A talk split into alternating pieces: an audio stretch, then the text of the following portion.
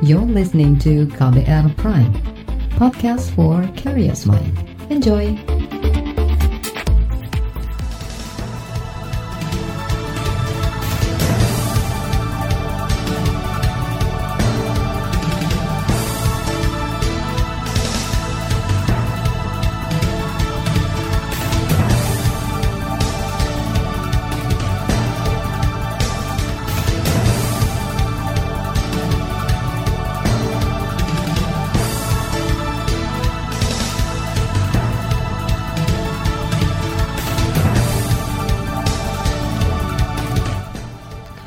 Selamat pagi saudara, senang sekali kami bisa menjumpai Anda kembali melalui program Buletin Pagi edisi Rabu 12 Agustus 2020 bersama saya Roni Sitanggang.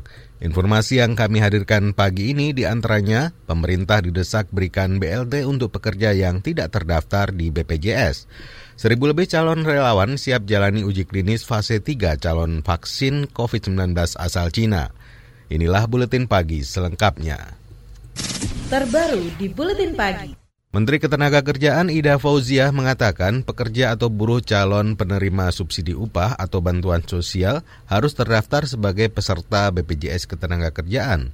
Selain itu kata dia harus aktif membayar iuran sampai Juni lalu yang mendapatkan bantuan harus memenuhi persyaratan. Yang pertama tentu saja warga negara Indonesia yang dibuktikan dengan nomor induk kependudukan, kemudian terdaftar sebagai peserta jaminan sosial tenaga kerja yang masih aktif di BPJS Ketenagakerjaan yang dibuktikan dengan nomor kartu kepesertaan dan peserta membayar iuran berdasarkan upah di bawah 5 juta. Menteri Ketenagakerjaan Ida Fauzia menambahkan persyaratan lain bagi pekerja atau buruh calon penerima yaitu memiliki rekening bank dan tidak termasuk dalam peserta penerimaan manfaat program Kartu Prakerja. Diperkirakan jumlah penerima bantuan sejumlah 15,7 juta orang. Anggaran pemerintah yang disediakan sejumlah 37,7 triliun rupiah. Menurut Satgas Pemulihan Ekonomi Nasional PEN, pekerja yang tak masuk BPJS Ketenagakerjaan mendapat bantuan dari program lain. Kata Ketua Satgas PEN Budi Gunadi Sadikin, pekerja yang tidak ikut kepesertaan BPJS Ketenagakerjaan sudah masuk ke dalam program lain. Program itu disalurkan melalui Keluarga Harapan, bantuan kartu sembako, hingga kartu prakerja yang nilainya total mencapai hampir 50 triliun rupiah. Jadi dari pemerintah kami melihat ada segmen yang kosong justru segmen ini unik tapi kejadian karena memang masih bekerja tapi tidak di PHK karena kondisi perusahaannya buruk mereka dirumahkan atau gajian dipotong. Jadi segmen ini diberikan untuk melengkapi dari bantuan-bantuan sosial yang diberikan ke segmen-segmen tadi yang sebelumnya memang sudah diberikan. Itu tadi Ketua Satgas Pemulihan Ekonomi Nasional Budi Gunadi Sadikin. Senada disampaikan Menteri Keuangan Sri Mulyani Indarwati. Kata dia, bagi pekerja dengan gaji di bawah 5 juta, maka bisa ikut mendaftarkan dirinya ke program Kartu Prakerja secara aktif. Demikian juga mungkin untuk bantuan pemerintah nanti yang untuk pendapatan di bawah 5 juta. Uh, pemerintah uh, akan mentargetkan adalah mereka yang menjadi peserta BPJS Tenaga Kerja namun orang akan bilang banyak sekali orang yang pendapatannya di bawah 5 juta yang tidak di BPJS tenaga kerja. Nah ini kemudian akan muncul kita tampung dalam bentuk kartu prakerja. Kartu prakerja itu jumlah benefitnya sama yaitu 600 kali 4 bulan yaitu 2,4 juta. Itu tadi Menteri Keuangan Sri Mulyani. Pernyataan Menteri Keuangan itu dinilai keliru dan tidak tepat. Menurut Presiden Konfederasi Serikat Pekerja Indonesia KSPI Said Iqbal, Program Kartu Prakerja adalah untuk pekerja yang ter-PHK, bukan untuk pekerja yang masih aktif. Bekerja dan berupah 5 juta rupiah ke bawah, tetapi tidak terdaftar di BPJS Ketenagakerjaan akan diberikan subsidi melalui Kartu Prakerja, itu tidak tepat. Atau lebih bahasa yang saya gunakan adalah keliru. Mengapa? Karena Kartu Prakerja digunakan untuk orang yang ter-PHK, bukan orang yang masih bekerja. Sedangkan subsidi tadi untuk orang yang bekerja, baik sebagai peserta BPJS Ketenagakerjaan maupun bukan. Presiden KSPI Said Iqbal meminta pemerintah tidak mencampur adukan skema bantuan yang selama ini sudah diluncurkan. Dia menyarankan pemerintah menggunakan data Badan Pusat Statistik dan juga data Tim Nasional Penempatan Penanggulangan Pemiskinan. Iqbal mengatakan data di kedua tempat itu tertulis lengkap nama dan alamat pekerja yang bersangkutan. Sementara itu Asosiasi Pengusaha Indonesia Apindo mendesak pemerintah juga memberikan bantuan tunai bagi pekerja informal. Ketua Kebijakan Publik Apindo Sutrisno Iwantono mengingatkan saat ini banyak pekerja informal yang gajinya berada di bawah standar. Selain itu, ia mengungkapkan banyak pekerja informal di kalangan UMKM yang tidak mendaftarkan pekerjanya sebagai peserta BPJS Ketenagakerjaan yang kerja di, di yang formal-formal ya sudah daftar itu BPJS Ketenagakerjaan. Tapi pertanyaannya ini bagaimana yang bekerja di sektor informal yang pasti dia tidak ikut BPJS. Kalau seperti itu nanti bagaimana? Kan nggak dapat nanti. Jadi di restoran di mana itu kan banyak. Dia dapat apa nanti? Usaha-usaha kecil mikro itu kan tidak ada yang mendaftarkan BPJS karyawannya. Ketua Kebijakan Publik Apindo Sutrisno Iwantono mengimbau pengusaha untuk memastikan manajemen manajemennya segera mendaftarkan karyawan yang bergaji di bawah 5 juta per bulan agar bisa mendapatkan subsidi upah dari pemerintah. Apalagi rencananya bantuan tunai itu akan diluncurkan bulan depan. Kita ke informasi mancanegara. Otoritas Cina menemukan virus corona baru di dalam kemasan makanan laut beku impor yang tiba di kota pelabuhan Dalian. Virus corona ditemukan di kemasan makanan laut beku yang dibeli oleh tiga perusahaan di Yantai, kota pelabuhan di Provinsi Shandong Timur. Pemerintah kota Yantai mengatakan makanan laut itu berasal dari impor tetapi tidak disebutkan dari mana asalnya. Juli lalu petugas bea cukai di Dalian juga menemukan virus corona di kemasan udang beku yang diimpor dari Ekuador. Hal itu sempat membuat Cina menaguhkan impor dari tiga produsen udang Ekuador. Wabah terbaru COVID-19 di kota Dalian dimulai pada akhir Juli lalu. Kasus pertama terjadi di sebuah perusahaan pengolahan makanan laut. Hingga akhir pekan kemarin di Dalian ada 92 kasus positif COVID-19.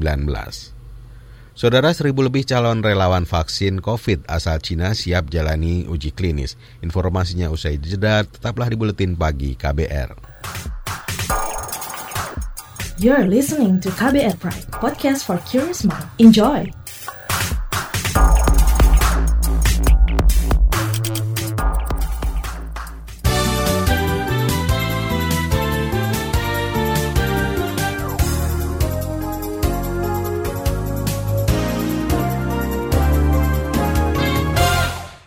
Saudara tim uji klinis kandidat vaksin COVID-19 asal Sinovac Cina mencatat sudah ada seribu lebih calon relawan yang akan diimunisasi dengan bakal vaksin tersebut. Manajer lapangan tim riset uji klinis vaksin COVID-19 Sinovac, Edi Fadliana, menyampaikan calon relawan itu akan disaring lagi lewat pemeriksaan kesehatan dari uji swab untuk memastikan keamanan saat kandidat vaksin disuntikkan ke tubuh mereka. Edi menjelaskan pada fase ketiga uji klinis ini setiap relawan juga dipastikan harus memahami alur penelitian yang akan berlangsung paling cepat selama 6 hingga 7 bulan ke depan. Oh ya ini kan fase 3 itu fase akhir untuk itu ya uh, izin untuk imunisasi massal ya. Bisa digunakan secara uh, massal di uh, seluruh dunia gitu. Kan udah melalui fase-fase praklinikal ada binatang atau lab dulu sebelumnya. Fase 2 tuh untuk lihat imunogenisitas dan safety-nya untuk keamanan dan kekebalannya. Jadi ini yang paling penting dalam fase-fase itu demikian. Itu tadi manajer lapangan tim riset uji klinis vaksin COVID-19 Sinovac, Edi Fadliana. Sementara itu, salah seorang relawan yang kemarin menjalani imunisasi calon vaksin COVID adalah Nina Fatima. Ia mengaku sudah mendaftar sejak pekan lalu untuk lulus menjadi relawan vaksin virus corona asal Cina. Nina mengatakan sebelum disuntik vaksin, ia diperiksa kesehatan lebih dahulu pada minggu kemarin. Motivasi dia menjadi relawan di Rumah Sakit Pendidikan Universitas Pajajaran Bandung karena berharap imunitas bentuk tubuhnya terbentuk dan tidak mudah terpapar virus. Apalagi pekerjaannya sebagai tenaga kesehatan diakui rentan terinfeksi virus corona. Sama karena COVID ini nggak beres-beres. Terus kepikiran gimana kalau ikutan vaksin, otomatis kan kita udah ada daya tahan tubuh tuh udah kehandle dengan vaksin. Jadi pikirannya lebih baik di vaksin deh dan kita nggak tahu kapan adanya lagi. Salah seorang relawan uji klinis vaksin COVID-19 di Bandung, Nina Fatimah mengatakan, usai disuntik vaksin ia tidak mengalami gangguan kesehatan. Ia juga menyebut selama dua pekan mendatang segala, segala keluhan kesehatan dan dampak sekecil apa pun sebagai akibat vaksin tersebut harus dicatat di buku harian yang diberikan dokter. Laporan itu harus diserahkan dua pekan ke depan pada saat suntik vaksin COVID-19 kedua kalinya. Sebagai relawan, Nina mengaku diberi fasilitas makan dan minum juga uang transport sejumlah Rp200.000. Saudara pembelajaran metode tatap muka untuk zona kuning dan hijau diperbolehkan, namun dengan syarat atau aspek tertentu, antara lain aspek keselamatan, kesiapan, persetujuan, dan simulasi. Juru bicara Satuan Tugas Penanganan COVID-19, Wiku Adhisa Smito mengklaim hal ini sesuai kesepakatan bersama dari empat kementerian. Hal ini perlu dilakukan meskipun uh, berada di zona hijau dan kuning, satuan pendidikan tidak dapat melakukan pembelajaran tatap muka tanpa adanya persetujuan dari Pemda atau kantor wilayah, dua dari kepala sekolah, ketiga dari komite sekolah, keempat dari orang tua peserta didik, dan jika orang tua tidak setuju atau belum setuju, maka peserta didik tetap belajar dari rumah dan tidak dapat dipaksakan. Juru bicara Satuan Tugas Penanganan COVID-19 Wiku Adhisa Smito menambahkan, bila syarat utama telah tercapai, maka kapasitas pembelajaran tetap muka akan dilakukan bertahap dengan 30 sampai 50 persen dari standar peserta didik per kelas. Kata dia, apabila dalam pengawasan dan evaluasi tidak aman atau tingkat risiko meningkat, maka Pemda wajib menutup kembali satuan pendidikan tersebut dengan cara yang baik. Aliansi Jurnalis Independen AJI menilai resiko wartawan tertular COVID-19 semakin tinggi. Ketua AJI Abdul Manan mengatakan tingginya risiko tertular itu disebabkan adanya pelanggaran saat penerapan pembatasan sosial berskala besar PSBB. Pelanggaran itu membuat sejumlah wartawan mulai berangkat ke kantor dan terjun ke lapangan bertemu dengan narasumber. Kondisi ini diperparah dengan adanya kasus wartawan meninggal akibat COVID saat masa pelonggaran dibandingkan di masa-masa awal sekarang itu jauh lebih berisiko. Karena pada waktu masa awal pemerintah memperlakukan PSBB sebagian besar wartawan kan juga banyak bekerja dari rumah. Jadi peluang untuk terinfeksinya memang jauh lebih kecil. Peluangnya itu jadi membesar ketika PSBB dilonggarkan orang-orang sebagian mulai kembali bekerja di kantor terutama pegawai negeri dan wartawan yang sebelumnya sebagian besar bisa working from home terutama di Jakarta. Itu terpaksa harus juga mem memulai new normal kan. Itu tadi Ketua Aji Abdul Manan. Sementara itu Dewan Pers berharap pemerintah segera memberikan bantuan untuk keberlanjutan perusahaan media di masa pandemi. Ketua Komisi Hubungan Antar Lembaga dan Internasional Dewan Pers Agus Sudibyo mengatakan sudah banyak perusahaan media yang mengalami penurunan omset sehingga memotong gaji karyawannya. Pemerintah disarankan meniru negara lain di dunia yang turun tangan membantu perusahaan media. Komisi yang membidangi perempuan dan anak di DPR berjanji segera membahas rancangan undang-undang penghapusan kekerasan seksual RUU PKS. Wakil Ketua Komisi 8 Aceh Hasan Sajili mengatakan pembahasan RUU akan dilakukan setelah komisinya merampungkan revisi Undang-Undang Penanggulangan Bencana. Kata Aceh, revisi undang-undang itu penting didahulukan di masa pandemi. Saya berharap setelah undang-undang penanggulangan bencana ini selesai, maka saya akan konsentrasi untuk bisa menyelesaikan undang-undang penghapusan kekerasan seksual. Ini karena penting menurut saya, saya tegaskan di era pandemi seperti sekarang ini, tentu penghapusan kekerasan seksual menjadi sangat penting dan seperti yang saya sampaikan pada saat saya rapat dengan Menteri KPPA Ibu Bintang, memang kalau kita lihat data dari kekerasan seksual semakin tinggi pada saat pandemi seperti sekarang ini. Wakil Ketua Komisi Perempuan dan Anak DPR Aceh Hasan Sajili menambahkan, komisinya pada Januari lalu sudah mengusulkan tiga RUU prioritas, salah satunya RUU penghapusan kekerasan seksual. Kita beralih ke berita ekonomi. Menteri Keuangan Sri Mulyani Indrawati mengatakan bantuan sosial berupa program tunai produktif sebesar 2,4 juta untuk pengusaha kecil dan mikro akan diberikan pada bulan ini. Bansos produktif itu akan diberikan kepada 12 juta UMKM se-Indonesia. Meskipun sampai saat ini pemerintah masih memverifikasi data UMKM yang berhak mendapatkan bantuan itu.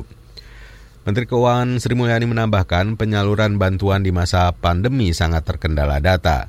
Kata dia, data yang dimiliki pemerintah kebanyakan data lama yang kemudian diperbarui saat pandemi. Kita beralih ke informasi olahraga. Dini hari tadi, klub Spanyol Sevilla memastikan diri melaju ke semifinal Liga Eropa. Gol semata wayang Lucas Ocampos membawa Sevilla menang 1-0 atas klub Inggris Wolverhampton dalam pertandingan perempat final. Kemenangan tersebut membuat Sevilla akan berhadapan dengan Manchester United pada pertandingan semifinal. Sementara itu di pertandingan lain klub Ukraina Shakhtar Donetsk mulus melewati wakil Swiss Basel dalam laga perempat final Liga Eropa. Shakhtar mencatatkan kemenangan telak 4-1. Shakhtar akan menantang Inter Milan di babak semifinal. Rencananya pertandingan semifinal akan dimainkan pada Selasa dini hari pekan depan waktu Indonesia Barat. Laporan khas KBR tentang Oda Perempuan bertahan di tengah pandemi akan hadir usai jeda. Tetaplah di Buletin Pagi. You're listening to KBR Pride, podcast for curious mind. Enjoy!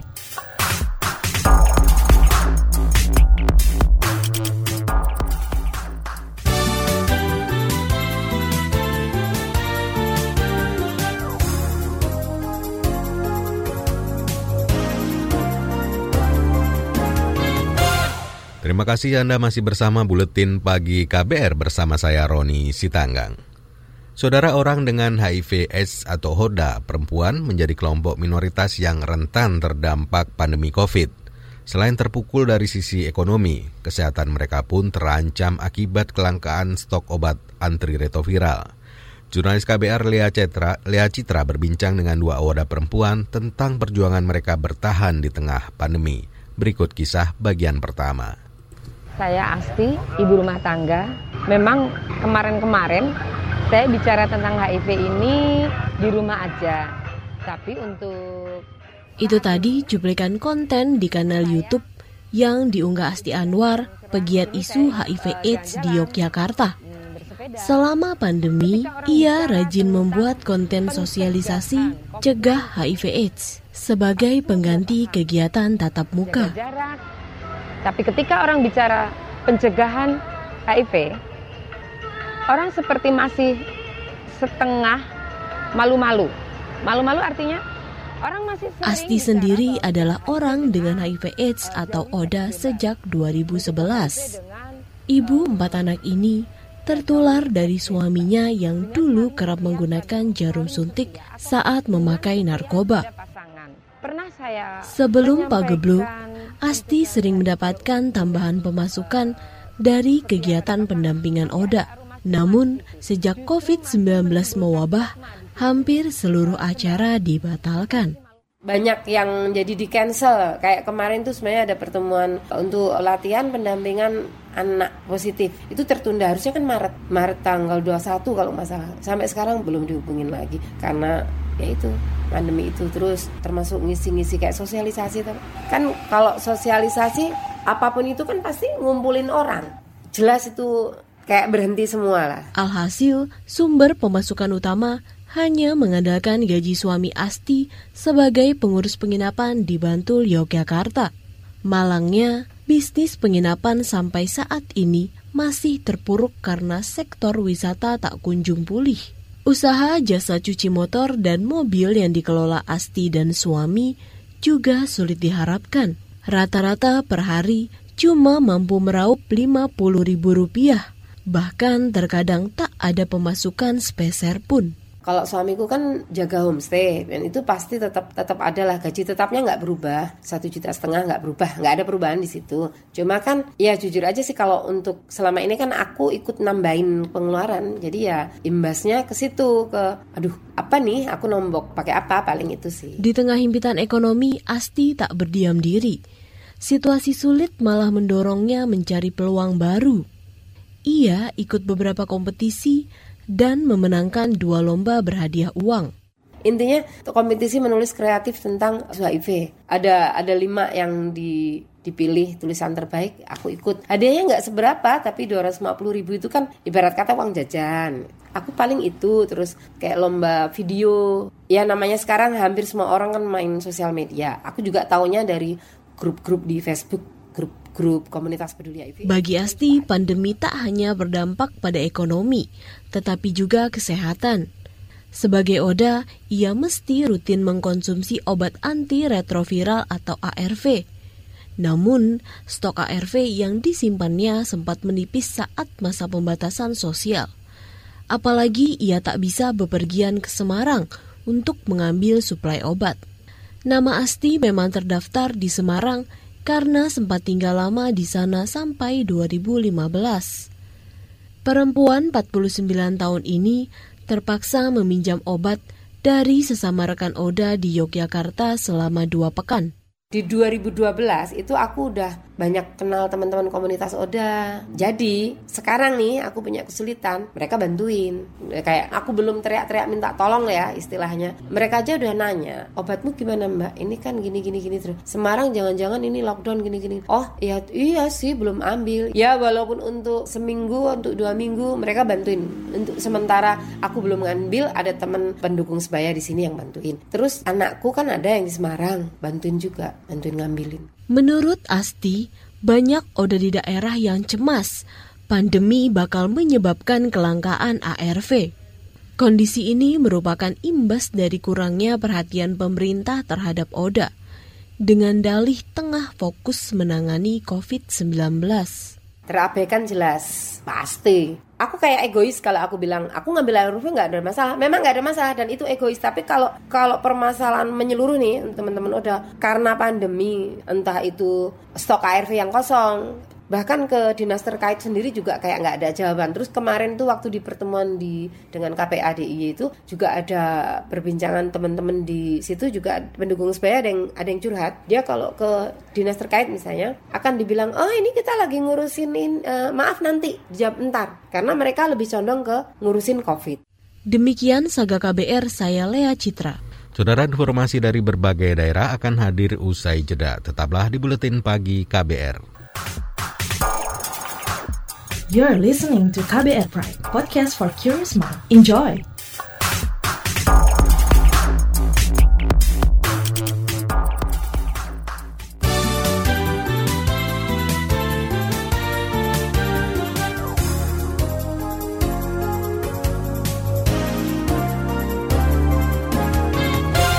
Inilah bagian akhir buletin pagi KBR. Pemerintah Kota Balikpapan melarang warganya menggelar lomba 17 Agustusan merayakan HUT kemerdekaan yang biasa digelar tiap tahun.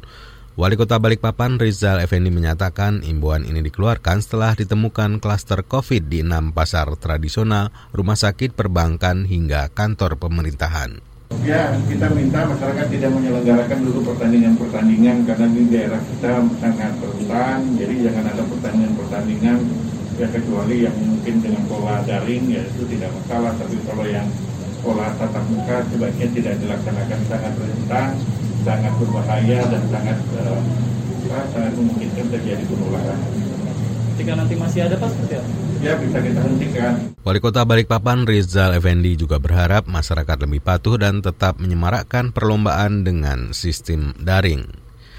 Dari Kalimantan kita ke Jawa. Korban pengeroyokan kelompok intoleran di Solo, Jawa Tengah, yakni keluarga Asegaf, menginginkan adanya tindakan hukum tegas terhadap para pelaku. Juru bicara keluarga Asgaf Mehmet menilai kasus intoleransi, intoleransi di Solo menjadi sorotan penegakan hukum. Dia berharap peristiwa intoleransi ini jangan sampai terulang untuk bersama-sama kita melawan intoleransi yang ada, melakukan langkah hukum secara maksimal, melakukan pressure secara sosial bersama-sama dengan rekan sekalian agar eh, tindakan-tindakan anti kemanusiaan semacam ini tidak boleh terulang di mana pun. Kami mungkin hanya menjadi awal, rumah keluarga kami hanya menjadi awal untuk di Solo. Siapa yang menjamin di tempat yang lain tidak terjadi hal yang sama? Karena ini masalah bukan masalah sempit, ini masalah masalah skala luas. Ya. Sebelumnya sekelompok orang menyerang beberapa orang keluarga Asgraf Al-Jufri di Solo, Jawa Tengah. Saat itu mereka sedang menggelar serangkaian kegiatan adat Midodareni atau malam menjelang pernikahan anaknya pada akhir pekan kemarin. Para, para pelaku ini mengepung lokasi, melukai tiga orang dan merusak sejumlah kendaraan yang terparkir di lokasi kejadian. Dalam insiden tersebut, tiga korban mengalami luka pukul, luka lemparan benda tumpul, dan luka robek di bagian kepala. Ketiganya dirawat di rumah sakit. Polisi menangkap dua pelaku dan masih memburu para pelaku lainnya yang belum ditangkap. Saudara informasi tadi menutup jumpa kita di Buletin Pagi hari ini. Pantau juga informasi terbaru melalui kabar baru, melalui website kbr.id, Twitter di akun @beritaKBR serta podcast melalui kbrprime.id. Akhirnya saya Roni Sitanggang undur diri, salam.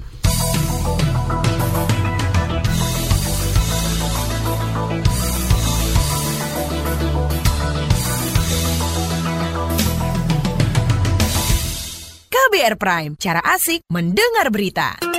KBR Prime, podcast for curious mind.